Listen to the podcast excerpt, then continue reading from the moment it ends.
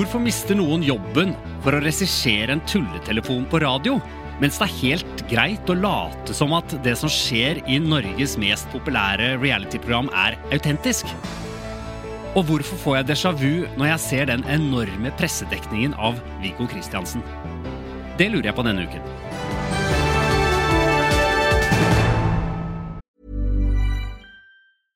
Hiring for your small business? If you're not looking for professionals on LinkedIn, you're looking in the wrong place. That's like looking for your car keys in a fish tank. LinkedIn helps you hire professionals you can't find anywhere else, even those who aren't actively searching for a new job but might be open to the perfect role. In a given month, over 70% of LinkedIn users don't even visit other leading job sites. So start looking in the right place. With LinkedIn, you can hire professionals like a professional. Post your free job on linkedin.com slash people today. Hey, it's Ryan Reynolds, and I'm here with Keith, co star of my upcoming film, If, only in theaters, May 17th. Do you want to tell people the big news? All right, I'll do it. Sign up now and you'll get unlimited for $15 a month and six months of Paramount Plus Essential Plan on us. Mintmobile.com slash switch. Upfront payment of $45 equivalent to $15 per month. Unlimited over 40 gigabytes per month. Face lower speeds. Videos at 480p. Active Mint customers by 531.24 get six months of Paramount Plus Essential Plan. Auto renews after six months. Offer ends May 31st, 2024. Separate Paramount Plus registration required. Terms and conditions apply if rated PG. Velkommen til Tut og medie. Kjør. Som altså er eh, en mediepodkast som eh, forsøker å forklare hva som skjer bak nyhetene. Hva skjer bak nyhetene da, Eva Sandum? Der skjer det mye rart, altså. Det gjør det. Ja, Er det bare tut og kjør? Er det det du, Nei, er det, det det er jo det vi prøver å si noe om, da. At selv om det kan framstå som tut og kjør, så er det andre ting som skjer òg. Nemlig at de tenker seg om, vurderer presseetikk osv. Ja. Svein Tore Bergestuen, velkommen til deg òg. Jo, hjertelig takk. Vær så god. Men du, jeg bare lurte på, Christian. Vi kan, vi kan nok ikke svare på hvorfor du får déjà vu.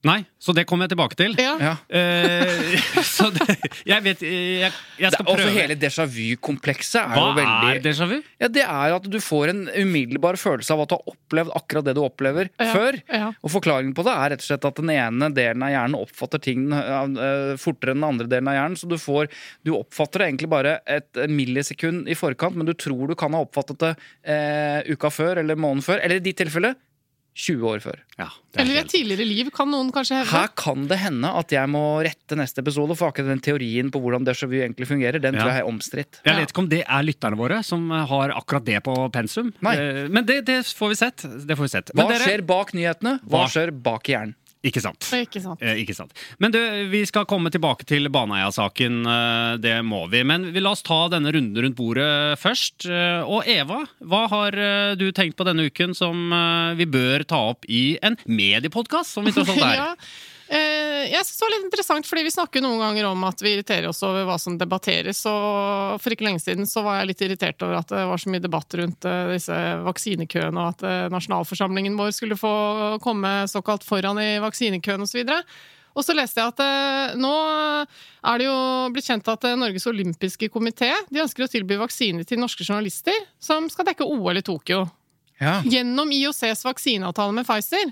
Eh, Og så er det litt sånn eh, debatt, da, fordi at eh, VG, TV 2, Aftenposten, NTB, Dagbladet og Bergens Tidende blant annet, de har takka nei til dette tilbudet. Av liksom moralske, presseetiske grunner? da, eller? Ja, mens Discovery, som har senderettighetene til OL, de har valgt å takke ja, og det samme har Nettavisen gjort. Men hva er, hva er poenget? Hvorfor så- sier noen nei, og noen sier ja? Nei, Det er det samme som skjedde i regjeringa, sånn som jeg ser det. da, ikke sant? At noen syns det blir moralsk feil Ja. å liksom takke ja fordi de har en eller annen stilling som tillater det. De mener at alt bør være rettferdig. Eh, vi må vente til køen i bydelen eh, tilsier at vi får den tekstmeldingen om at nå er det din tur. Tenk, Er ikke journalistikk er ikke det det mest populære yrkeaktige? Tenk hvor populært det blir nå! Du får vaksine tidligere ja, enn alle andre. Men jeg tror det, også, det ble også begrunnet, hvis jeg ikke husker feil, om at eh, de vet jo ikke noe om disse vaksinene. Altså, De vet ikke noe om sikkerheten, så, så det Nei, altså Noe av det de sier, er jo blant annet at, som NRK har uttalt, da, eh, at de ønsker jo å drive kritisk journalistikk på disse programmene.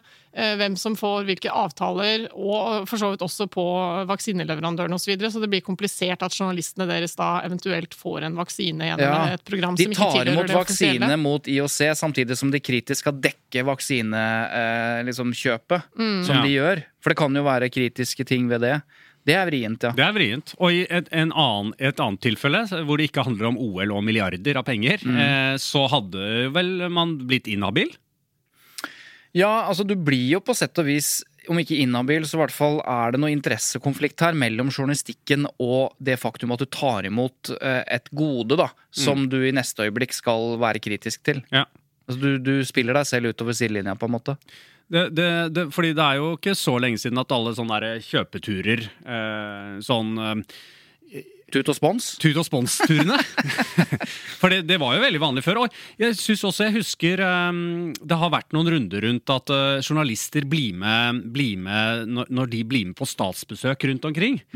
Var det ikke en, en periode hvor, hvor uh, det var noen uh, saker med at de fikk betalt uh, for å være med av de de var på tur med? Uh, Ja. bare- ja. Ja. Dette er jo komplisert, eh, komplisert landskap. ja, jeg jeg husker bare sånn blitt- litt i tåka. Ja, for at uh, hvis, du, hvis noen betaler for at du skal reise et eller annet sted, bare i det så ligger det sånn Ok, da er det lettere å reise, ikke sant? fordi du får betalt, og medienes økonomi er jo sånn og sånn. Og derfor har jo liksom hovedregelen på alle turer de er jo sånn at takke for muligheten for å bli med, for den kan du ikke kjøpe deg til. Enten må du være med eller ikke med, men alle utgifter knyttet til ulike turer som eh, og dette gjelder jo også for så vidt ledere i næringslivet for ikke skape bindinger osv. At man betaler sine egne turer. Man Dette sier husker vi jo Dette fra vi fra den saken med Nicolai Tangen. Ikke minst. ikke Ikke sant? sant? Dette er de som hadde vært på seminaret i USA. Ja. Mm. De hadde da, noen hadde vært med på eh, en flytur som var betalt av arrangøren av konferansen, altså Nicolai Tangen og hans selskap. Eh, og så ble det litt surr i ettertid om at eh, noen eh, gikk og krevde å få lov til å betale i ettertid for sin egen billett, for det ble feil osv. Ja. når media Og det er på en måte oppskriften på det. da, At du, du kan være med på veldig mye eh, så lenge du klarer å beholde den kritiske distansen. Og det klarer du lettere, også habilitetsmessig, ved å betale greiene dine sjøl. Men i dette tilfellet så kunne man jo sagt at ok, vi betaler IOC-vaksinen selv, men det løser ikke hele problemet, i og med at de skal drive kritisk journalistikk på hele dette konseptet. da. Ja, altså Egil Sundborg, eh, NRK sportsredaktør, har uttalt til Medie24 Enkelt sagt så vet vi lite om hvordan IOC har fått vaksinene, til hvilken pris og hvem de har fått den fra. Da er det naturlig at en eh, følger opp det journalistisk. Ikke sant? Tenk Og hvis, da- ja, ikke sant? Tenk hvis man nå finner ut at alle vaksinene er barnearbeid fra India. Litt vrient å se for seg at barna skal ha lagd de vaksinene, men kanskje glassene eller sprøytene? Men samtidig, Ja. liksom, hvis man løfter det litt fra de detaljene der opp til en sånn I Norge så er det jo to leire, føler jeg, i denne diskusjonen. Det ene er liksom Skal vi gå etter det fullstendig rettferdig prinsippet om at alle bare følger lista, sånn som myndighetene har bestemt at det skal være? Og det er jo, det er jo en avgjørelse de har tatt. Mens andre irriterer seg over at eh, hallo, kan vi ikke bare sørge for at de viktige funksjonene får først? Eh, Altså nasjonalforsamling, regjering, eh, de som skal ut og dekke Helsearbeid, dette her. Ikke sant? Journalister er jo en åpenbar samfunnskritisk funksjon i en sånn sammenheng, da. Mm. Så det er ja. Er det bare meg, eller blir runden rundt bordet bare lengre og Ja, lengre? du, det er jo jeg som skal ha dette her. Jeg, det er jo jeg som er programleder. Kristian Christian heter jeg, forresten. Hei. Hei. Du som hører på. Um, så da går vi videre Ja, bordet. ja. Og det er jo deg da, Sven Ja. Eh, hva har du tenkt på denne uken? Hva har jeg ballet med? Jo, eh, det er jo sånn at det er eh, ti år siden 22. juli. eh, og dette markeres jo på ulikt vis. Og pressen har eh, også fortjenestefullt eh, lagt opp til ulike fag, eh, faglige seminarer. Hva kan vi lære av dekningen osv. Uh, og tilfeldigvis skal det til at jeg skal lede et sånt eh, 22. juli-seminar i regi av presseorganisasjonene nå i dag, da, for de som hører denne podkasten i dag, fredag.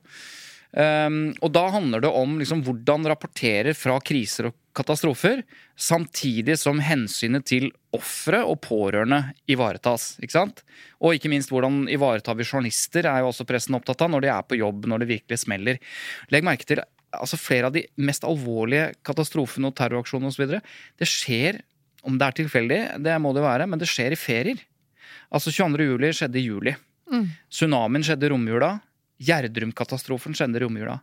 Konsekvensen av det er at det er vikarer ofte på jobb. Altså veldig, eller hva skal vi si, de minst erfarne som er på jobb og plutselig blir satt i en situasjon at de skal dekke eh, noe ekstremt alvorlig. Så, eh, men uansett, skal, eh, hovedfokuset her er jo liksom Blir presseetikken Hey, it's Ryan Reynolds, and I'm here with Keith, co star of my upcoming film, If, only in theaters, May 17th. Do you want to tell people the big news? All right, I'll do it. Sign up now and you'll get unlimited for $15 a month in six months of Paramount Plus Essential Plan on us. Mintmobile.com slash switch. Upfront payment of $45 equivalent to $15 per month. Unlimited over 40 gigabytes per month. Face lower speeds. Videos at 480p. Active Mint customers by 531.24 get six months of Paramount Plus Essential Plan. Auto renews after six months. Offer ends May 31st, 2024. Separate Paramount Plus registration required. Terms and conditions apply if rated PG. Millions of people have lost weight with personalized plans from Noom, like Evan, who can't stand salads and still lost 50 pounds. Salads, generally, for most people, are the easy button, right? For me, that wasn't an option. I never really was a salad guy. That's just not who I am. But Noom worked for me. Get your personalized plan today at Noom.com. Real Noom user compensated to provide their story. In four weeks, the typical Noom user can expect to lose one to two pounds per week. Individual results may vary. Og grensene skjøvet på når katastrofen er stor nok. Altså, ta 22. juli som et eksempel. Husker dere at de som svømte i land, kom så vidt opp og fikk på seg et håndkle før de ble intervjuet? I en normal presseetisk situasjon så lyser det jo lamper herfra til evigheten. Ikke sant? Fordi, fordi de, hvis noen er i sjokk, så må vi anta at de som har blitt skutt etter og sett vennene sine bli drept, de må være i sjokk. Så da må du ta hensyn til det. Allikevel så ble de intervjuet. Og spørsmålet som annet skal stilles her, er jo sånn Er det greit? Og er det naturlig? Fins det noen gode forklaring på hvorfor man må skyve grensene? Kunne man sett for seg at man av hensyn til øh, de ofrene, da liksom, man, skal ikke, man skal ikke plage dem med mikrofoner, så vi snakket ikke med dem. Men, men bare for å få en oppklaring her, hva, hva slags regler er utgangspunktet for det? En journalist kommer til åsted. Hva er reglene for journalisten? Du skal jo alltid både i, i arbeidsprosessen, altså i selve intervjuet, så skal du ta hensyn, være varsom, og da skal du ta spesielt varsom, eh, eh, være varsom med de som uh, f.eks. ikke kan eh, helt kunne se, jeg husker ikke ordlyden, men se rekkevidden av eh, det de sier, fordi de er i sjokk, f.eks., eller ikke se konsekvensen av det. Det er jo arbeidsprosessen. Så tas det jo nye vurderinger når dette skal publiseres. Ja. Ikke sant? Da skal du også ta hensyn til alt fra barn, folk som er i sorg og sjokk. Og, så det er, det er flere punkter i Vær varsom-plakaten som er opptatt av det. Men poenget her er fordi situasjonen var så ekstrem, og fordi det var så viktig for samfunnet å få vite hva som skjedde for eksempel på Utøya. Og det sto jo ikke noen operativ utleder fra politiet som kunne fortelle hva som skjedde på Utøya. Dette var jo vitnene som kom svømmende i land. Ja, ja. Da tror jeg Miss Vær varsom har eh, funnet noe tekst her. Ja. Opptre hensynsfullt i det journalistiske arbeidet. Misbruk ikke andres følelser, manglende medieerfaring, uvitenhet eller sviktende dømmekraft. Husk at mennesker i sjokk eller sorg er mer sårbare enn andre. Det står det i Vær varsom-plakaten. Men det er klart mot altså, det, det som eventuelt er argumentet som skal ut, uh, utfordre denne vurderingen litt, er jo informasjonsbehovet i befolkningen i en så stor katastrofe. Ikke sant? Så det er de to tingene som på en måte Og jeg husker Det var blant annet en psykiater som heter Lars Weiseth, som skrev en, en kronikk husker jeg, i forbindelse med det, hvor han, og sum, altså Konklusjonen var vel noe sånt som at fordi nettopp at dette er en så stor katastrofe som, som, på en måte rammer, hele, som rammer demokrati og samfunnsinstitusjoner og, og alt mulig sånn, så vil på en måte hensynet til de pårørende og ofrene eh, blitt, må, det må naturligvis skyves på da, for informasjonsbehovet, som Eva sier, og eh, viktigheten av å, av å få vite hva som skjer, er så viktig. da. Men en ting jeg kan si er at eh, vi jobber jo med en episode hvor vi også har tenkt til å gå litt dypere inn i medienes dekning nå i retrospekt. da, Som vi skal Gjør vi? gjøre nå, ja, i anledning eh, at det er ti år siden eh, Ja. denne Ja. katastrofen skjedde. Gøy. Og da med et spesielt blikk på, på medienes rolle, selvfølgelig. Eh, og det er jo veldig interessant nå når det har gått ti år, å se dette i retrospekt. For Mm. én ting er hva som skjer liksom uka etter og to uker etterpå, men, eh, men nå er nok folk litt mer etterpåkloke, da. Og det er jo sånn at vi eh, Ja, vi har vært varsomme. eh, eller pressen har vært varsom. Eh, vi har jo vært inne på det så vidt at det finnes jo bilder som er publisert i, i eh, tidsskrifter og har vunnet priser fra Utøya som vi i Norge aldri har sett. Fordi vi har ønsket å være varsomme. Nå kommer det stadig flere stemmer fra, ja, fra de som var involvert, og fra AUF. Det kommer flere bøker som er opptatt av at Hei, hei, vi må ikke glemme dette her. Og det betyr at vi kan ikke være så varsomme at vi ikke snakker om hva som faktisk Nei. Skjedde det. Men du, bare sånn veldig kort før vi går videre, eh, for det er jo min eh, runde snart. Eh, Men, men bare hvis dere kan svare litt kort på det, er hvordan fungerer det i praksis? Altså, en, en journalist kommer til åsted, la oss si det er 22. juli, en står med pledd, og, og man er direkte på, eh, utejournalist, og så er det på en måte det intervjuet.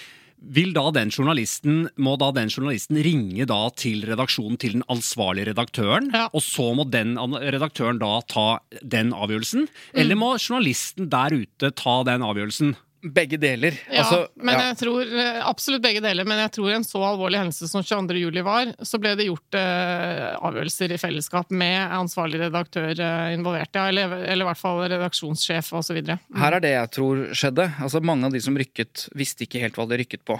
Det å, Ideelt sett så bør de eh, ha gjort en avklaring med redaktør. Eh, vi kommer til å møte denne type ofre. Vi kommer til å opp... Hva gjør jeg da? Jeg tror ikke, jeg, når jeg kjenner dette, liksom jeg har vært med på dette selv, ikke denne katastrofen, men andre, rekker ikke å gjøre den type prinsipielle, viktige presseetiske avklaringer på forhånd. Men at de må gjøre det underveis. Og da må jo journalisten gjøre det selv, samtidig som du sier, man må ringe hjem og si at nå står jeg i et kjempevanskelig situasjon. Og det tredje er jo at det som er vanlig ofte på sånne steder, er at du møter mange kolleger fra andre medier, og da snakker man ofte sammen. ikke sant? Og diskuterer liksom hvilke linjer legger vi oss på her? Flytter vi oss framover? Går vi tilbake? Og så videre. Og så er det to ting til. Eh, Det ene er at eh, mange av redaksjonene var jo holdt på å si på flyttefot og ute på gata fordi de hadde mistet sine egne lokaler. Det skal man ikke glemme. Så det var jo kaotisk for dem også. Altså de hadde jo ikke sine, hadde jo ikke sine ordinære rutiner på plass sånn sett.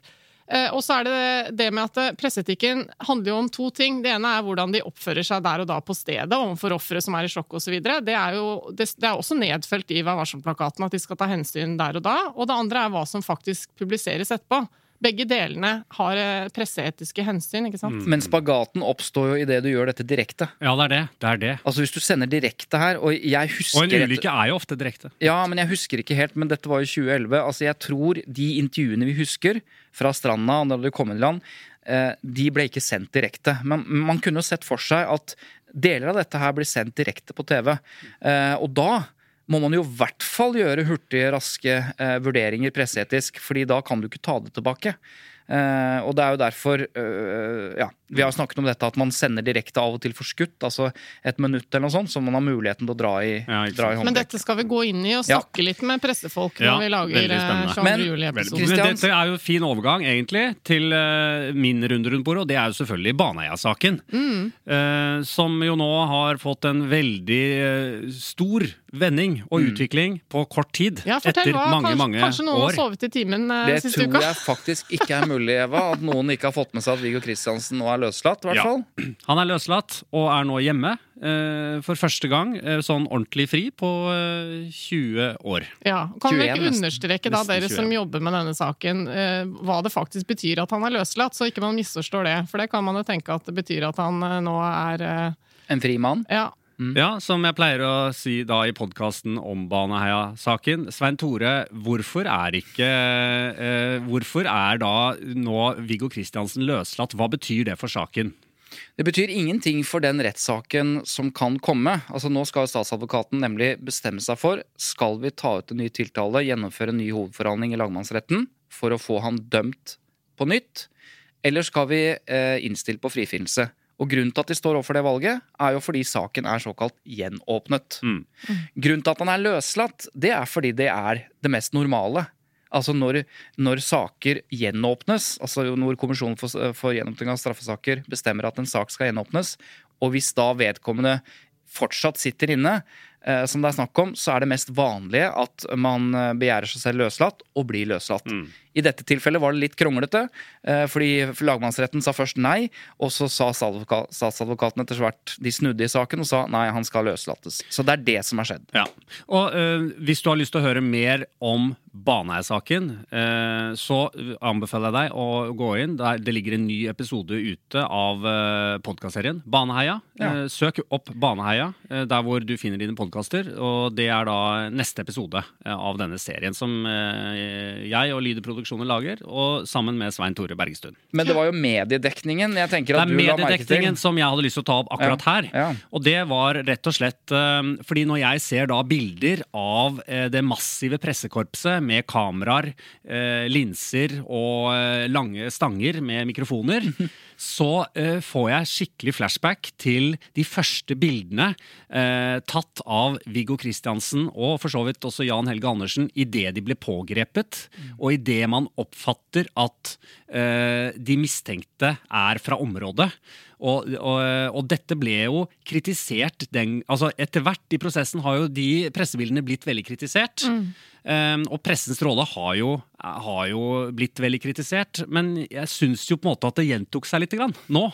Ja, med, med, jeg er enig med, med en slags motsatt fortegn, da. Fordi nå er det jo for Viggo Kristiansen eh, en, en viktig liksom, gjennomslag at han nå for det første er, eh, er løslatt, men også at saken er gjenopptatt. Så eh, han er, ser jo ut som han er ved godt mot, og at han ikke plages nevneverdig. Men jeg fikk akkurat de samme assosiasjonene. Ikke minst så fikk jeg assosiasjoner, for jeg har nettopp sett den der Britney Spears-dokumentaren. Altså, pressefolk eh, er på kanskje sitt skal vi si minst sympatiske når de løper i flokk, bokstavelig talt heseblesende langs en bil som ikke vil stoppe, putter kameraene inn vinduet, eh, rapporterer nærmest sånn derre Ja, nå kjører han herfra, nå skal han løslates, og, og så hører de de løper ved siden av. Altså, det er et eller annet jeg skjønner at uh, de gjør det, men det er noe uverdig ved det på ett vis. ikke sant? Denne, denne jakten på, på medie- og intervjuobjekter som, som bare virker så veldig amerikansk, da, på sett og vis. Uh, men allmennhetens interesse, som det heter her, den er jo uh, eksepsjonelt sterk og viktig. Ja, er det en liten svakhet at det er pressen selv som bestemmer hva som er allmenninteresse og ikke? Om det er en Er det, er det en svakhet Jeg Hører du ikke hva jeg sier, eller? Jeg satt og tenkte på noe annet. Jeg hørte faktisk ikke noen ting av det du spurte om. Ah, Har du noen gang hørt på de spørsmålene jeg har til deg, eller hva? Nei, men altså, har det, har det, er, det, er det en liten svakhet? Fordi da, da er vi jo rett tilbake litt til det at eh, det er ute i feltet det skjer. Da. Der må journalisten ta den avgjørelsen og ringe eventuelt til en redaktør hvis de har tid. Men det er jo pressen selv som avgjør hva som er eh, samf av samfunnets interesse. Ja, og, det- og, eller, eller om man skal beskytte, eller om man skal trekke seg tilbake. Er det litt sånn, eh, høres det litt, er det litt idiotisk at de selv skal bestemme sin egen eh, Nei, det hverdag? er deres oppgave. Altså, det er deres oppgave Jo, men- som pressefolk, som redaktører, å definere hva som er av allmennhetens interesse. Ja. Det ligger på en måte i formålsparagrafen til journalister og redaktører at det er de som driver med dette, som må definere hva det er. Men det som er, øh, hvis man skal kalle det problematisk da, øh, med det, er jo at det- det gir dem veldig mye makt, for de kan jo da velge hva de vil sette søkelyset på, og det får vi jo på et vis ikke gjort noe med, med mindre det oppstår alternative medier som velger å sette ekstremt søkelys på noe som mediene ikke dekker, for eksempel da. Eh, Og det andre er at eh, mediene kan definere offentlig interesse litt som de eh, behager, holdt jeg på å si, eh, i form av at eh, ja, men dette syns folk er interessant. Da er det offentlig interesse, det har vi jo diskutert mange ganger, og det kan man noen ganger stille spørsmål ved. Om det er nok, ikke sant? At folk syns det er interessant og er nysgjerrig på noe, er ikke nødvendigvis Ja, for Det spørs jo litt hvilken avis du Er det klikk på Dagbladet, så er det jo en annen definisjon av interesse. Er det, er det Morgenbladet, så er det jo en annen definisjon. Ja, det kan, Det kan si, du si, men, men det som Ja, da eh, sier jeg det. Ja, men det, det som er eh, Det må ha blitt tatt veldig mange raske og viktige presseetiske avgjørelser når Presse-Norge stiller seg utafor Ila og filmer Viggo Kristiansen i, i, på vei ut. Så har de, de alle, alle sammen de har jo da tatt det samme valget. Og så følger de han hele veien til Kristiansand. Og så filmer de han idet han går ut av bilen og inn i barndomshjemmet. Og hvis vi bare smake litt på det der, da. Altså, ikke sant? Det å, for det første, dette er en mann som ikke har vært ute i samfunnet på 21 år. Uh, og selv om han er, skulle vise seg å være uskyldig, altså ikke farlig, uh, det vil si det er mange definisjoner av det. Han, er, han har innrømt ting som han har gjort uh, i tenårene som er svært alvorlig, men etter 21 år så selv, kan jo selv uskyldige mennesker uh, bli preget av det. Og det første som møter dem i et samfunn, det er liksom 50 pressefolk og fotografer Mm. som følger deg fra fengselet og filmer deg til du går inn døra i barndomshjemmet. Nå er jo kanskje det det siste han husker fra sist han var fri. Da, så, Ja, det er sånn hans er referanse, på en måte. så. Eh, nei, så, så vi er jo opptatt av pressetrykket, liksom. At Mm. både politikere og, og, og folk som er vant til presse, de kneler jo, de også, under medietrykket hvis det blir for stort. Her har vi en helt eh, nå skal jeg vokte mine ord, en helt vanlig fyr har vært utsatt for noe helt uvanlig, og kanskje utført noe helt uvanlig, men allikevel, det er en relativt vanlig fyr som har sittet 21 år i fengsel, og så er det det han eh, Altså, ja. Ja. Men et interessant tankeeksperiment syns jeg er eh, hvis man eh, ser for seg hva som ville skjedd hvis man eh, tok en avgjørelse om at denne mannen fortjener ikke noe oppmerksomhet. La oss bare liksom La ham forsvinne fra offentlig søkelys. Det var det jo noen som sikkert tenkte etter 22. juli også med Anders Behring Breivik. Hvorfor gi ham så mye plass? Ja. Eh, Hvorfor eh, smelle han utover alle forsider, bilder? Hvorfor liksom dekke rettssaken på den måten som ble gjort? Det var mange som opplevde at det var litt sånn feil, på et vis. Ja, og de pårørende i denne saken ja. eh, skulle jo helst sett for det første at han ikke ble løslatt, men eh, nummer to at det ikke ble så mye oppmerksomhet rundt det. fordi at denne vegg-til-vegg-tingene som vi nå ser av hans lø- løslatelse, det er klart at det er jo en ekstremt ekstra påkjenning for både familien til Viggo Kristiansen, antar jeg, selv om de er glade nå. Og ikke minst for de pårørende, som jo er veldig veldig misfornøyd. Så denne prestedekningen det gjør jo noe med folk. Men kontrollspørsmålet før vi gir oss, hva ville vært alternativet? Altså, Denne saken er så viktig rent prinsipielt og juridisk og for samfunnet og alt mulig at det er vanskelig å se for seg at pressen ikke skulle være der òg. Sånn at det, Ja. Ja. Nei da. Nei, men det er Men veldig eh, ja, det er Ja. vanskelig. Ok, dere. Vi eh, forlater eh, runden. Men vi må rette. Vi må det. Ja. Herregud. Jeg Altså, var, jo ikke- jeg var jo ikke til stede i forrige episode, så da er det selvfølgelig masse feil som er kommet inn. nei, det er ikke mye okay. feil, altså. Hva, hvor vil dere begynne hen? Nei da, jeg skal bare gjøre en liten, uh, en liten korrigering, da. fordi at Svein Tore i forrige episode snakket vi litt om eh, at det hadde vært et uh, nærmest historisk PFU-møte med mange fellelser. Og så stilte Svein Tore meg spørsmålet er det sånn da at medier må publisere hele den uttalelsen fra Pressens faglige utvalg når man er felt. Eh, og jeg var nok litt upresis når jeg sa at ja, altså egentlig skal det det, men noen ganger så gjør de sine egne varianter og forkorter litt og, osv. videre. Eh, vi trenger ikke gå inn i detaljene på det, men altså reglene er jo sånn da at eh, uttalelser fra Pressens faglige utvalg som konkluderer med brudd eller kritikk, da, eh, de skal publiseres. eh, Og da eh, gjør også PFU eh, media oppmerksom på at offentliggjøringen må skje snarest mulig. Og de ber samtidig om eh, mm, dokumentasjon på at det er publisert. Det er liksom regelverket. Ja. Men... og de skal publisere da, eh, sammen med informasjon om hva PFU er, eh, hele teksten som forklarer eh, hva- hva som var feilen. Fra Men utvalget. jeg vet ikke om du var så upresis. Det var en fin presisering, men spørsmålet mitt, og fra lytteren, det gikk jo på at det var en, det var en lokalavis eh, som på nett hadde publisert veldig mye mer, sånn som jeg forsto det, enn selve PFU-uttalelsen. Altså liksom hele sakskomplekset. Sånn forsto jeg det. Det var derfor jeg eh, lurte deg til å svare litt upresist. For det er jo ikke Det Nei krever jo ikke Det er PFU. uttalelsen. Det er uttalelsen. Ja, ok, men det, altså, dette, det høres ut som en kompleks sak. Jeg fikk ikke med meg episoden. Jeg tror lytterne er med på det. Kan du ikke bare si beklager, og så legger du deg flat, og så går vi videre? Ja, jeg legger meg flat. Ja, greit. og vi skal bedre rutinene, da. Ja, ja, si det også, da. Vi skal bedre rutinene heretter. Kjempebra. Jeg er ikke så glad i den der beklager-spalten vi har fått. Ja. Så det Nei, virker som vi er fordi- helt uh... Men er det, så vidt jeg forsto sånn, var det sånn du nå rettet deg selv? Eller var det, er det faktisk en, noen som har reagert på dette? Nei da. Det var uh, bare at uh, mine gamle kollegaer i Pressens faglige utvalg uh, bare sa at bare sånn, Det er ikke noe big deal, men fakta er at de skal, de skal helst publisere hele, den, hele teksten vår. Den fredagspilsen uten munnbind var, ble liksom litt klam. Ja. Det som, okay. er, det som er et lite poeng, er at man skal ikke drive med såpass såkalt polemisk replikk. Det vil si at eh, hvis du er, la oss si, VG, er felt av PFU, skal publisere eh, fellelsen og informasjon om den, så skal du ikke samtidig eh, si Men uh, for the record, vi er skikkelig uenige i denne Ja. fellelsen, og, og argumentere for hvorfor og så videre. Det skal Ok, du ikke drive skjønner, med. Okay. skjønner. Ok. Ok. Vi går til sak én. ja, Det var på tide. Ja, vet du hva. Dette er bare dette er synd. Men jeg, men jeg syns det har vært spennende hittil. For Det har min vært del. relevant, da. Uh, ja. Um, fordi nå skal vi snakke om uh, hvor mye det er greit å regissere det som fremstår som ekte I media. Mm. i media. Ja, du tenkte på livet? Mm, ja, det går an å regissere mye der òg. På altså. Instagram og sånn. Livet mitt er jo et eneste skuespill. Um, du, altså, for, fordi vi, eh, vi har jo snakket litt om dette her før. eh, blant annet i forbindelse med dramaproduksjoner og f.eks. Atlantic Crossing. Ja. Eh, da dramatiserer man jo en virkelighet. Men dette er jo fiksjon, så det blir jo én retning. Men en annen retning som også på en måte skal virke veldig ekte og riktig, det er jo reality-sjangeren. Um, og da er jo det store spørsmålet hva er akseptabelt da av å, å tilrettelegge og regissere når det er reality-ting? Ja, fordi ordet reality er jo tross alt uh, engelsk for virkelighet. Ikke sant? Så det skal jo på en måte beskrive en virkelighet.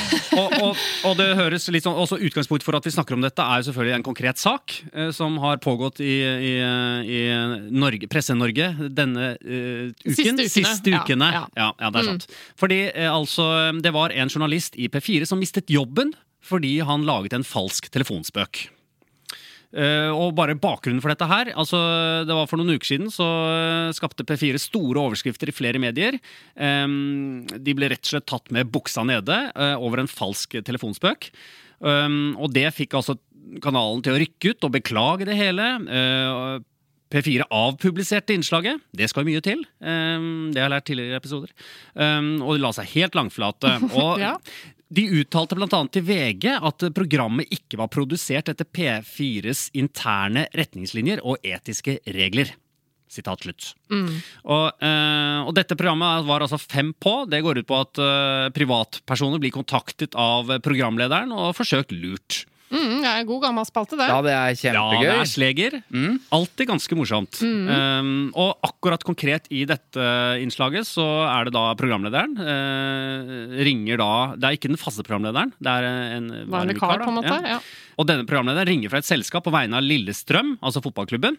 Han ringer til Ronny for å si at klubben må kutte ut eh, noen av sesongkortholderne pga. kapasitetshensyn. Og Programlederen stiller da flere lurespørsmål, og Ronny klikker etter hvert. Eh, og, og dette klippet ble jo selvfølgelig kjempepopulært på sosiale medier. Og så viser det seg altså at Ronny er en skuespiller. Ja, nettopp. Ikke sant? Og, hva, og så, så det her er det jo en del sånn Først og fremst, dette er jo en tull. Det er s- humor. Ehm, men hva, hva sier egentlig sånn re reglene om hva som er tillatt og ikke? Og P4 går jo plutselig ut med sier retning, etiske regler. Men det Ja, for her, her ser man jo i kommentarfeltet når denne saken blir publisert, at de aller fleste som kommenterer, de syns dette er en overreaksjon. At vedkommende mista jobben Ja. for det å liksom tulle med en tulletelefon. Og det kan man liksom det, På en måte kan man forstå det. Men dette er jo noe veldig, veldig prinsipielt. Ja. Eh, fordi at eh, La oss ta prinsippene. Altså P4 tar dette knallalvorlig. Fordi det går utover tilliten. Dette er fake. Eh, Det er ikke fake news, for det er ikke nyhetene de har tulla med, men det er underholdningen. Fake men, humor. Men det er jo Men ikke sant? Dette er et gedigent tillitsbrudd ganger to. Altså, for det første så bryter det noe av det viktigste de kan bryte som redaktørstyrt eh, medium, nemlig kontrakten med lytteren. Dette er et program som har gått i flere år, eh? Hvor, hele premisset er at vanlige folk blir lurt. Og det du hører, det er ekte folk som får ekte reaksjoner og blir dritredde eller eh, glad eller sinna. Det er det første. De bryter med De lurer folk til å tro at dette er noe annet. Og så er det jo um, et tillitsbrudd nummer to, da. At denne programlederen som gjorde dette, gjorde det jo uten at noen visste det, heller ikke P4. Altså Det var ingen leder eller redaktør han hadde sa Du, kan jeg bruke en skuespiller for å fucke med hele konseptet vi har bygd opp de siste fem årene for å lage denne spøken? For da ville han fått nei. Så det er jo, dette er jo dobbelt tillitsbrudd fra P4 og lytterne, og så er det også et tillitsbrudd rent personlig fra denne medarbeideren i P4 opp mot uh, redaktørene i uh, Ja, fordi han, de ikke var informert. De var ikke informert. Men ikke sant, det det er liksom Den som skulle lures, ble ikke lurt fordi han spilte skuespill. Men, men min sånn hunch på akkurat denne saken her er liksom Er det så farlig? For at det, Jeg er uenig enig i alt det prinsipielle du sier, Svein Tore. Samtidig så kjenner jeg litt på at liksom Ok, men miste jobben? Ok, Jeg skal gi deg et eksempel. Dette var tulletelefon. Det er et redaksjonelt innslag i P4. La oss si de hadde noe som ikke er så viktig, da. Fredagskokkeleringen på fredag mat. Og så sier kokken med programlederen, og så begynner kokken å fake. Altså, eh, altså Han sier ting som ikke er riktig. Eh, du sitter og tror du får et godt vintips, og så viser det seg at det er bare fake. Altså, Forbrukerjournalistikk, da. Går grensen der, da? Fra underholdning til forbrukerjournalistikk og over i vaner? Ja, Når, kan, sant, du, når der. kan du lure lytteren, og det er greit, og når kan du ikke det? For P4 så går det ikke noe grense på det. Mm. Nei. Det er prinsipielt. Men nå, nå kom jeg på at det, det ble jo litt sånn Jeg husker jeg ble litt skuffet selv når jeg oppfattet Når jeg skjønte at uh, ofte korrespondentene på NRK De står jo ikke foran Washington-huset eller Mm. Ja. oppå den platået Ja. hvor du ser Washington bak. De er i et studio Ja, med det- et levende bilde bak seg! Ja. Det er jo fake. Ja, men Hæ, det har jeg aldri tenkt på. Har du ikke? De, stå, de aller fleste, når du ser Anders Magnus eller, eh, eller andre i USA, så står de faktisk foran Det hvite hus. De Når du er ut, ute på dagtid, hvis de er en link på kveldstid, så ser det jo like fake ut som late night-bakgrunn. Eh, Ja, men De gjør det ja. selvfølgelig. Ja, men jeg, Når det er- jeg har aldri tenkt på at de Nei, prøver men å altså, late jeg Du som Sånn. visste poenget til? Christian er morsomt. For at det er så mange, det er så mange liksom, nivåer av sånn lureri eller bare regi for å gjøre bildet mer interessant. Og, sånn. og det skal sies at pressen er jo veldig opptatt av disse tingene. og Det er derfor du også gjengir det på den måten du gjør, f.eks. med pressefotografi, som jeg har tenkt på noen ganger.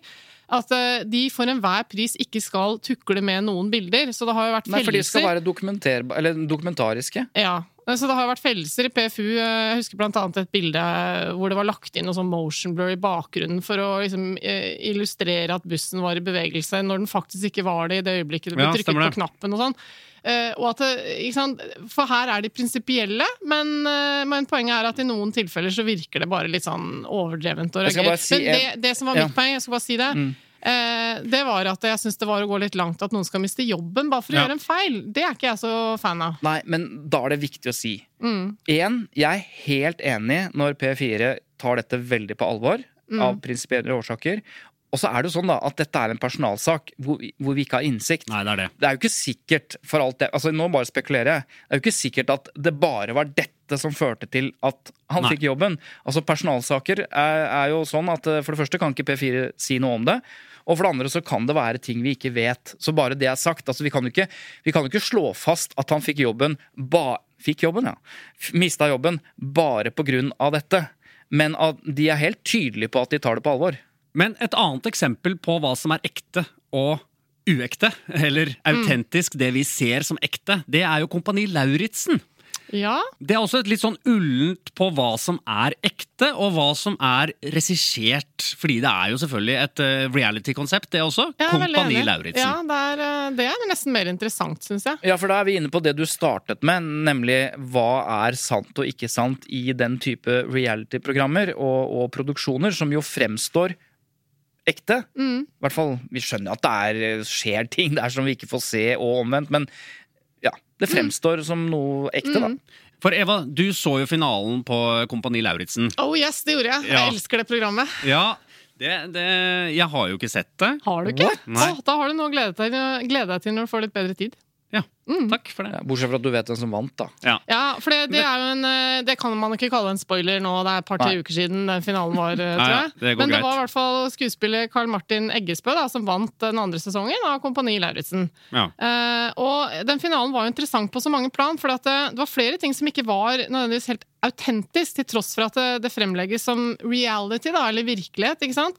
Eh, Blant annet dette fallskjermhoppet, som var starten på finaleøvelsen. Det skjedde i realiteten etter at vinneren faktisk var kåret i finalen.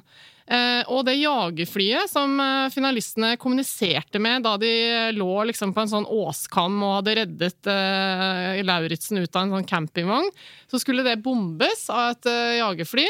Eh, den kommunikasjonen var visstnok heller ikke autentisk, da, for de hadde ikke eh, dialog. Det husker jeg tenkte når jeg satt og så på det, at det, her tviler jeg på at skjedde sant? på den Der- måten. Det, da ble jeg lurt. Jeg trodde han Eggesbø satt og jeg Jeg syns jo det var sånn imponerende.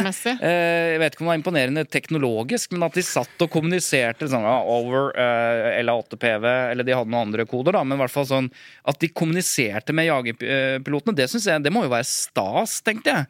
Ja, øh, men jeg bare, ut ifra at jeg har vært med på mye filmproduksjoner og reklame, og sånn, så vet jeg hvordan man ofte må liksom klippe til sånne ting. Og en annen ting jeg tenkte på, var når de lå der og, og skulle observere at denne campingvogna skulle rett og slett bombes fra lufta, så tenkte jeg det tviler jeg på. At de ligger der så nære for den sikkerhetsrisikoen. Men det vet jeg ikke, det har jeg ikke sett noe, noe skrevet om. da.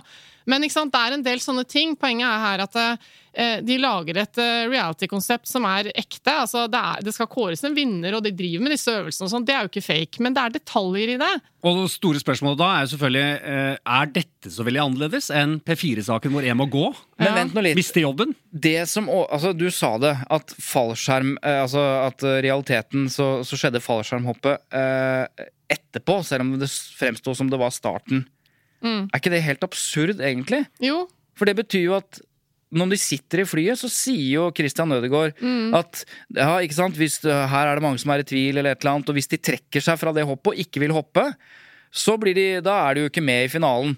Men da er jo, på det tidspunktet er jo Er det sånn å forstå? Da er jo finalen allerede ferdig. ja det er det. De er Christ... tilbake i flyet etter at Eggesbø er kåret som, som eh, vinner. Christian Ødegaard som voicer det, han sier kompanijegerne kan fortsatt trekke seg, selv om de sitter eh, klare i flyet. Ja. Men i så fall vil de være ute av finalen i Kompani Lauritzen. Og du- det er jo blank løgn, Men, egentlig. nei, men altså, for jeg har jo laget litt eh, reality selv. Ja. Eh, Amazing Race var jeg med å lage. Oi. Ja, ja. Ja. Men ehm, jeg vil tenke meg For de, disse reaksjonene her, tettbildene på folk som får et sjokk i trynet, eh, nå skal vi hoppe fallskjerm, det er, man jo, det er jo det som en sånn serie lever av. Så, så jeg vil jo veldig tro at de tok opp den scenen hvor han sto og forklarte dem, med alle kameraene klare, og da fikk de opp det ekte øyeblikket for dem.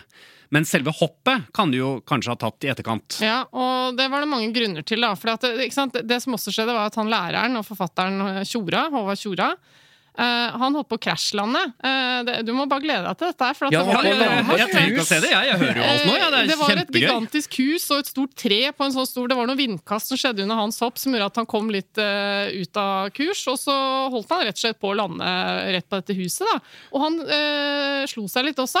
Så det var litt sånn rart det at eh, i det som fulgte etterpå, i finalen som vi så på TV, så var han eh, helt fin, for dette hadde jo da ikke skjedd. Men da sånn. hadde han ikke hoppet. Nei. Men, Jeg- ikke sant? Og så var det Og snø på bakken der og sånn, så det var litt ja, rart. Ja, det var masse Nei, men For det var altså, tatt opp i fjor, Ja, ja. hele greiene her. det er visstnok dårlig vær som skal ha ført til at den fallskjermhoppinga ikke lot seg gjennomføre sånn som det var planlagt. Som Ja. skulle være eh, liksom Ja, Ja, ok. eh, Ja, da var det jo en plan riktig tidslinje. da.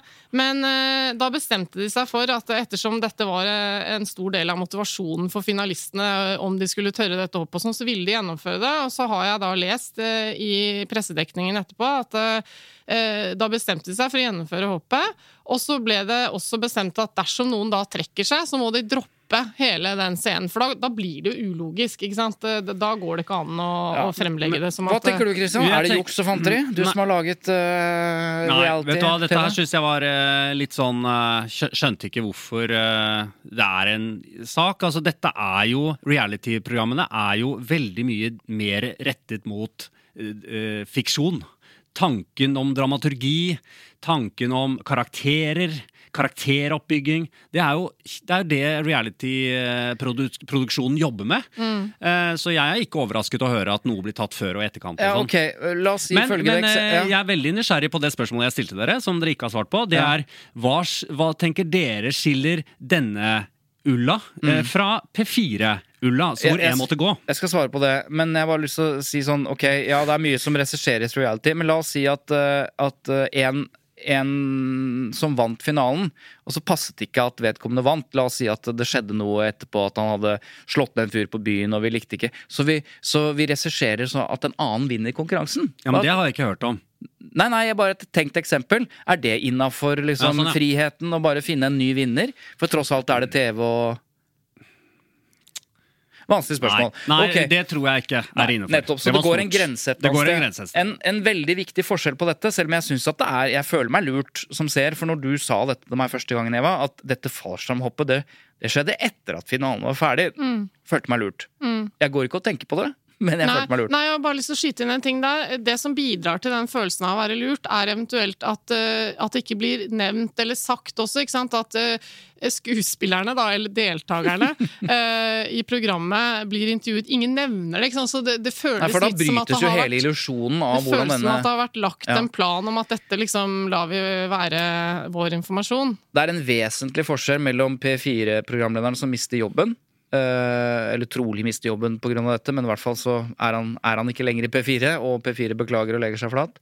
Og det er at Jeg nevnte at det var to tillitsbrudd. Det ene er eh, tillitsbruddet til lytterne, som tror at de hører ekte mennesker som blir lurt.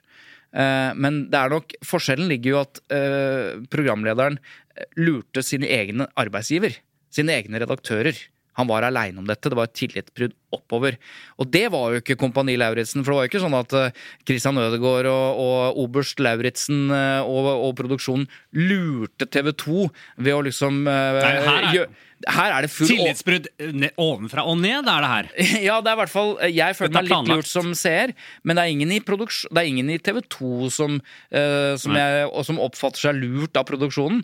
Det, man kunne jo sett for seg at, eh, at de som produserte Kompani Lauritzen, ikke fortalte til TV 2 der det skal gå, hva de hadde gjort. Ja. Da hadde du sett uh, det, Pipa hadde fått kanskje en annen lyd, Fordi da setter du jo på en måte den Altså TV 2 i dette tilfellet Som er ansvarlig redaktør. Som er ansvarlig redaktør Mm. i et veldig uheldig lys.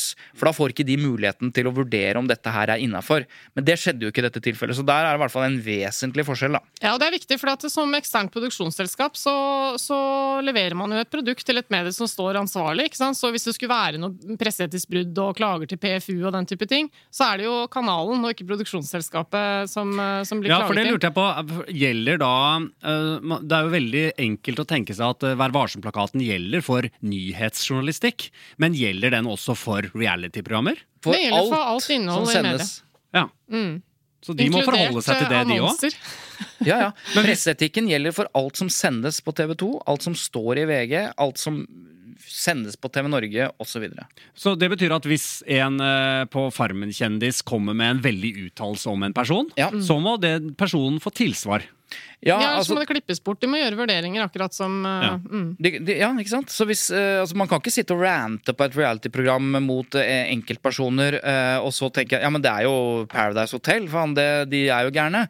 Ja, men hvis det er en, en, en som blir rammet av den type uttalelser, eh, f.eks. av faktisk art La oss si en på Paradise Hotel sier at en tidligere deltaker er jo gjennomkorrupt og kjeltring og har Og har snytt. voldtatt sånn og sånn. Og, Det kan man jo ikke sende. Og det er fordi nei man forholder seg til Vær Vær varsom. og det er derfor sånne ting eh, går i opptak og blir klippa. Ja, ja, ikke sant? Det er veldig bra med reality. Ja, men jeg har bare lyst til å si en ting nå, for at nå snakker vi om dette programmet. Og, og understreke at jeg har prøvd å, å ta kontakt med Katrine Haldorsen, som er programdirektør i TV 2. Programredaktør. Programredaktør.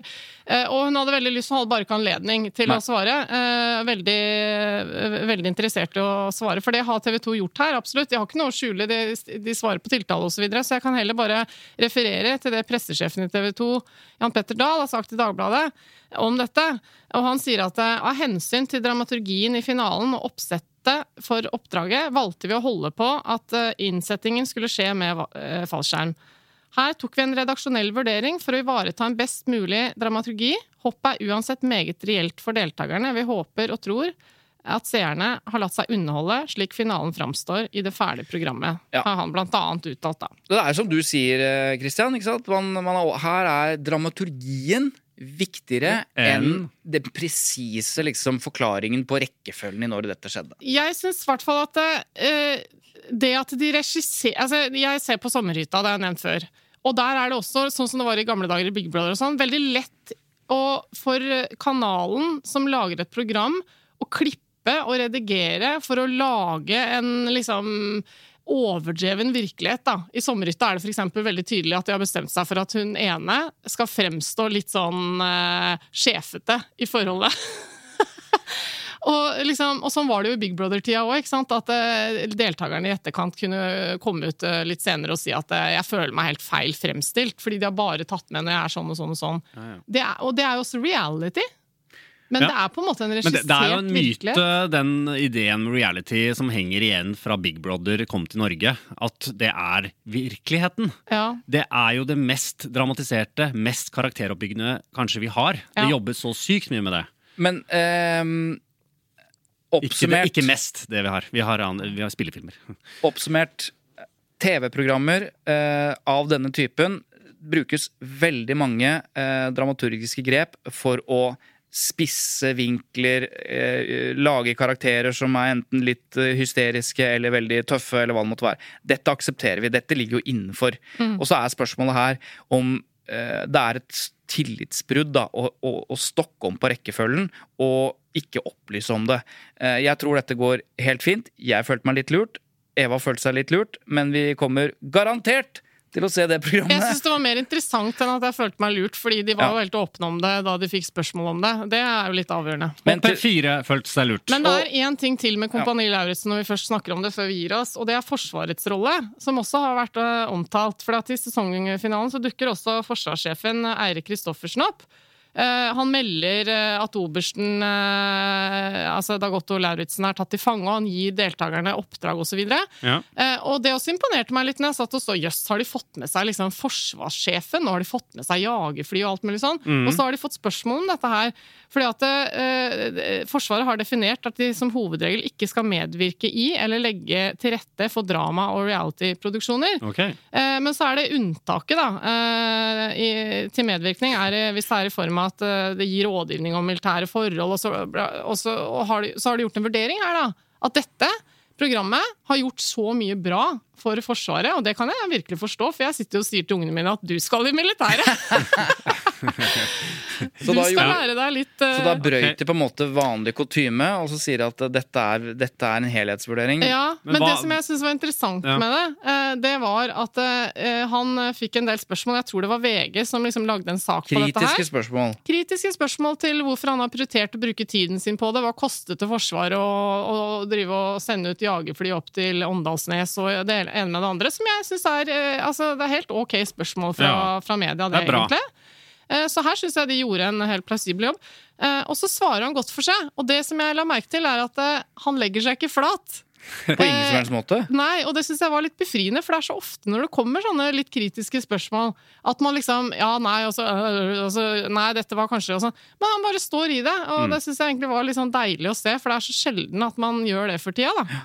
Fordi i samme Da kunne han jo eh, jeg, jeg har ikke sett det, så jeg vet ikke hva han svarte ordentlig. Men, eh, men eh, tenk på alle de millionene en Forsvaret bruker på å lage reklamer. På, Mm. på om man skal huske søknadsfristene og sånt. Jo, og, altså, men at de da kunne man stilt spørsmål ved det òg, da. ja, men Jagerflyene er jo på, luft, på vingene hele tiden, i øvelser og sånn. At de da slenger innom Kompani Det var det Lauritzen. som er- var svaret, at det var en Ja. del av, av øvelsene til jagerpiloten og sånn. Men eh, det som er litt morsomt, er at flere av klippene som viser flyene i Kompani Lauritzen, er jo da arkivfilm fra Forsvaret. Så det bekrefter i hvert Enda fall mer lureri! Bekrefter i litt av det som jeg hadde når jeg så disse greiene. At jeg synes det var litt sånn wow. Har du fått Da tror jeg vi skal konkludere med at uh, dette vet jo lytterne sikkert uh, på forhånd, men uh, det er mye lureri i TV-produksjon, og det meste av det tror jeg vi skal akseptere for at det helt tatt skal bli underholdende. da. Ja. Og er det for godt til å være sant, så er det sannsynligvis for godt til å være sant. Ok, vi går videre, for vi må jo ha lytterspørsmål.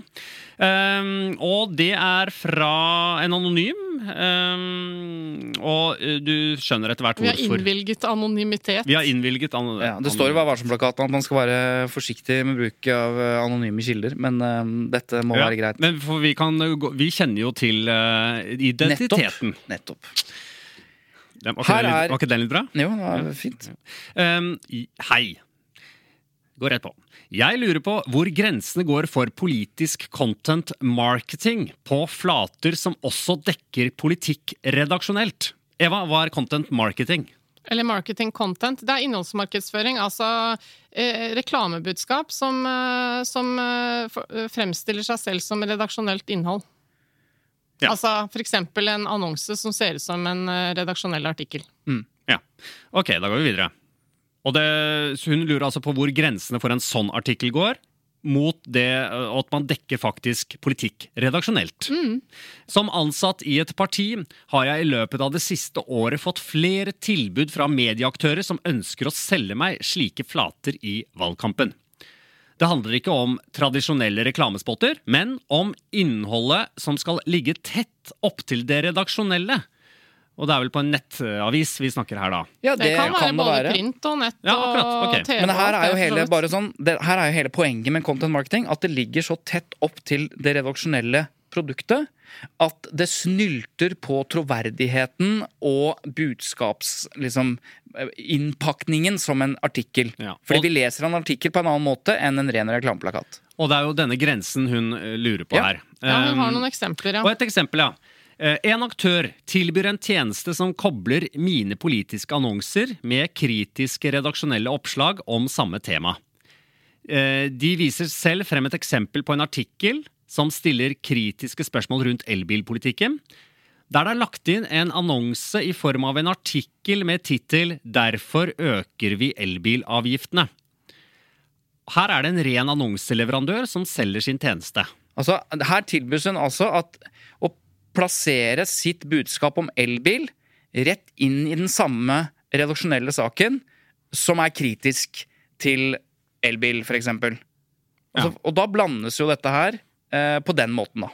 Men her eh, Ja, ok. Jeg, jeg, jeg klarer ikke helt å skjønne at dette skal inn i samme nyhet. fordi her er det jo på en måte definert at man skal merke Ja. hva som er annonse og Ja, ikke. altså- Ja, det, det er merket, altså Tilbudet hun får, er jo en merket annonse inni saken.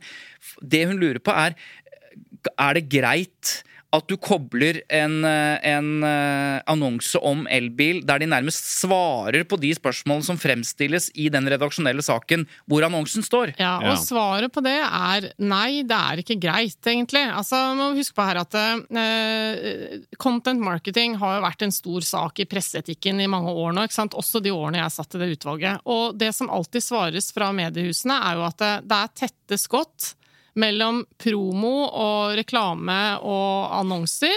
Og redaksjonen. Altså, De tegner opp et bilde av en betongvegg som er så tjukk at eh, de ser hverandre ikke i det hele tatt, nærmest hver sin inngang. Og så er det jo sånn at Når hun eh, beskriver det tilbudet hun får, så kan det jo virke som at de sitter liksom i åpent landskap, hvor han som selger annonser og ringer henne, eh, sitter og diskuterer med journalisten om at i morgen så skal vi ha eh, en sak om sånn og sånn. Da hadde det vært lurt om dere liksom prøver å ringe de annonsørene som er aktuelle, sånn at vi kan få litt sånn eh, felles eh, opplegg her. Ikke sant? Og det ligner jo litt på sånn som det var eh, i gamle dager. Fremdeles noen steder eh, fins disse innstikkene i papiravisa. Ikke sant? Du har et bilbilag, for eksempel. Da. Og da er det jo sånn at eh, eh, redaksjonen lager innhold om bil, og så ringer de rundt og skaffer annonsører fra bilbransjen, på en måte. Det er sånn veldig enkelt forklart, da, og dette kan gjøres i mange bransjer. ikke sant? Det er jo for å skape aktualitet for annonsørene. Men det, skal jo, det står jo i varselplakaten at det, det skal, skal være tette skott, på en måte. Så, så det at det, det oppleves eh, fra hennes side som at dette er nærmest et samarbeid, det er jo ikke greit. Nei, og, og, og Nei. det hun lurer på er for at det, altså, En ting er forbrukerjournalistikk og bil, og, og der har vi liksom blitt vant til det, men, men det er jo det politiske. At du putter en politisk annonse inn i en redaksjonell artikkel om det samme.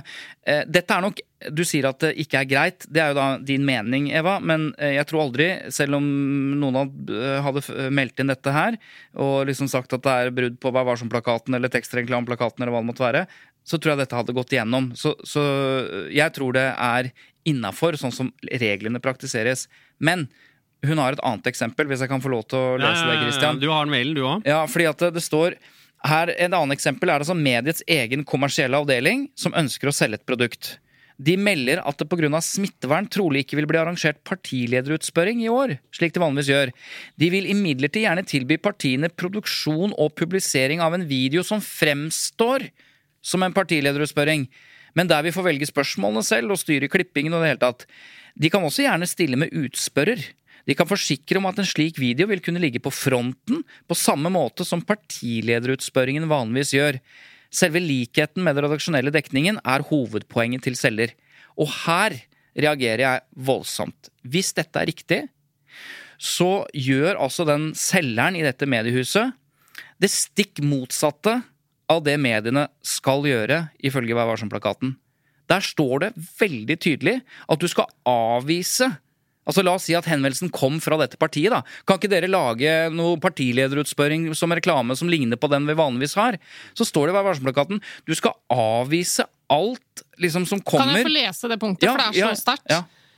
Svekk aldri det klare skillet mellom journalistikk og reklame. Det skal være åpenbart for publikum hva som er kommersielt innhold. Skillet skal være tydelig, også ved lenking eller andre koblinger. Avvis kommersielt innhold som kan forveksles med det enkelte mediums journalistiske presentasjon. Det står Ah, at du skal avvise det, eh, det innholdet. Her er det ikke engang at de avviser det. De lager det selv og tilbyr en, Mm. en så tett og, og så lik eh, eller, eh, Yes. eh, kommersielt produkt. Og hele poenget fra selgeren er at dette produktet du nå kan kjøpe, det ligner veldig på det redaksjonelle produktet vi egentlig Ja. skulle ha. Ja, så salgsargumentet helt- er i seg selv en, et eklatant brudd på selve varsom-plakaten. Men hva skal denne lytteren gjøre? Sin, hvordan skal hun forholde seg til da denne kjempefeilen? da? Skal hun si nei, da? Eller Nei, for hun kan jo tjene på dette. ikke sant? Hun kan jo, øh, Dette partiet hun da representerer, hvis de kjøper dette forslaget, så er jo hele poenget Grunnen til at det ikke er lov, er jo at det er effektivt. Men det er også effektivt på å bryte skillet og tilliten på sikt. Så hun står jo ikke ansvarlig for noen. Men hvis det er noen redaktører her nå som hører på, og som tenker hm, Kanskje det er min medieselger som har tilbudt en partilederutspørring som content marketing som ligger tett opp til vårt redaksjonelle produkt som står i plakaten at vi ikke skal gjøre. Så kanskje du skal slutte med det. Hun kan jo ikke noe for Lykke, Ah. lykke til med det, for jeg har jo lest en del tilsvar på PFU-klager om content marketing. Og det som dessverre er tilfellet, er jo at de forsvarer seg jo alltid ikke sant? med at nei, nei, det er kjempeklart skille her, og vi har tette skott, og dette skjer ikke og sånn. Eh, men eh, da er jo også utvalget alltid veldig nøye med å si at én en ting er hva dere sier og kan vise til, og, og, og hva som faktisk kanskje også er tilfellet i redaksjonen med disse eh, tykke betongmurene.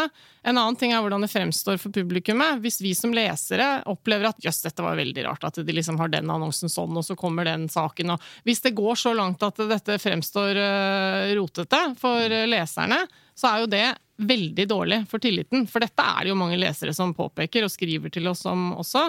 Eh, ikke minst det med at eh, de content marketing-artiklene og filmene på nett og sånn eh, noen ganger ser så redaksjonelle ut at folk ikke skjønner det før etterpå. ikke sant? Og da har man jo ikke blitt opplyst om at det er reklame, og det er jo ikke innenfor Varsom-plakaten. da. Nei.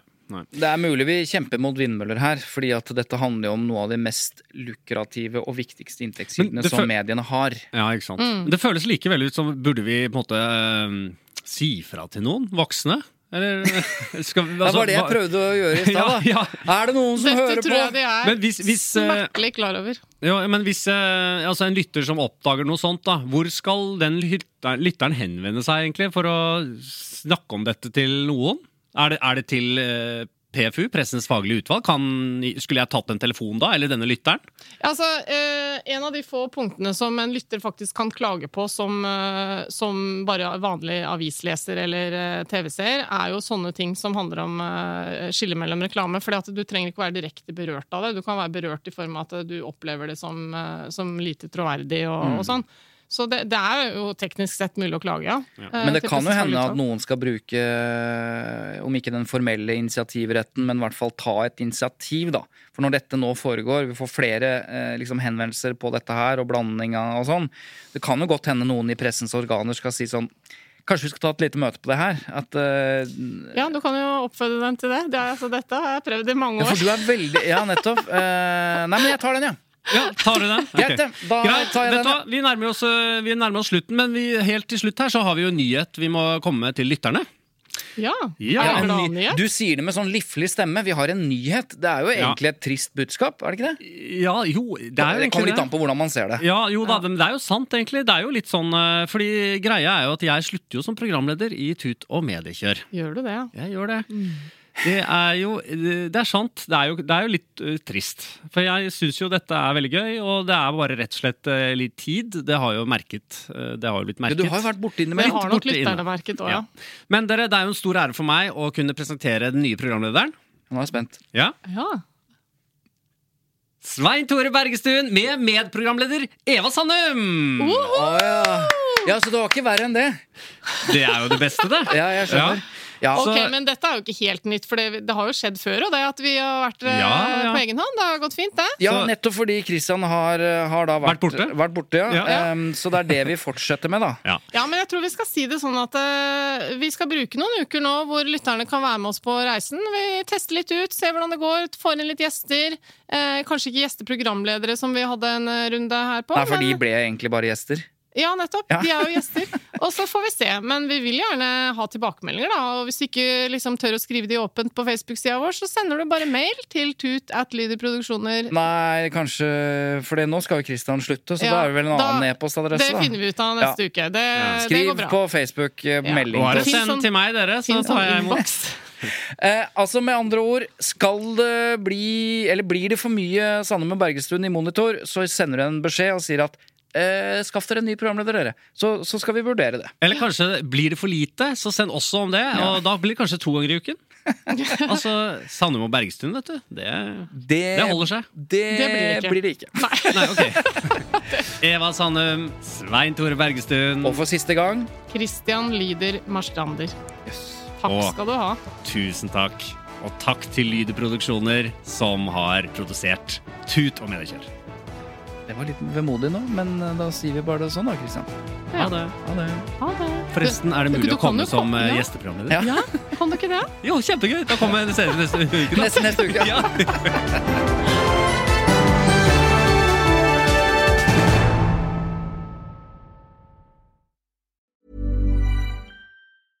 Imagine the softest sheets you've ever felt. Now imagine them getting even softer over time. That's what you'll feel with Bowl and Branch's organic cotton sheets. In a recent customer survey, 96% replied that Bowl and Branch sheets get softer with every wash. Start getting your best night's sleep in these sheets that get softer and softer for years to come. Try their sheets with a 30-night guarantee. Plus, get 15% off your first order at bowlandbranch.com. Code BUTTERY. Exclusions apply. See site for details. Even when we're on a budget, we still deserve nice things. Quince is a place to scoop up stunning high-end goods for 50 to 80% less than similar brands. They have buttery soft cashmere sweaters starting at $50, luxurious Italian leather bags, and so much more. Plus, Quince only works with factories that use safe, ethical, and responsible manufacturing. Get the high-end goods you'll love without the high price tag with Quince. Go to quince.com slash style for free shipping and 365-day returns.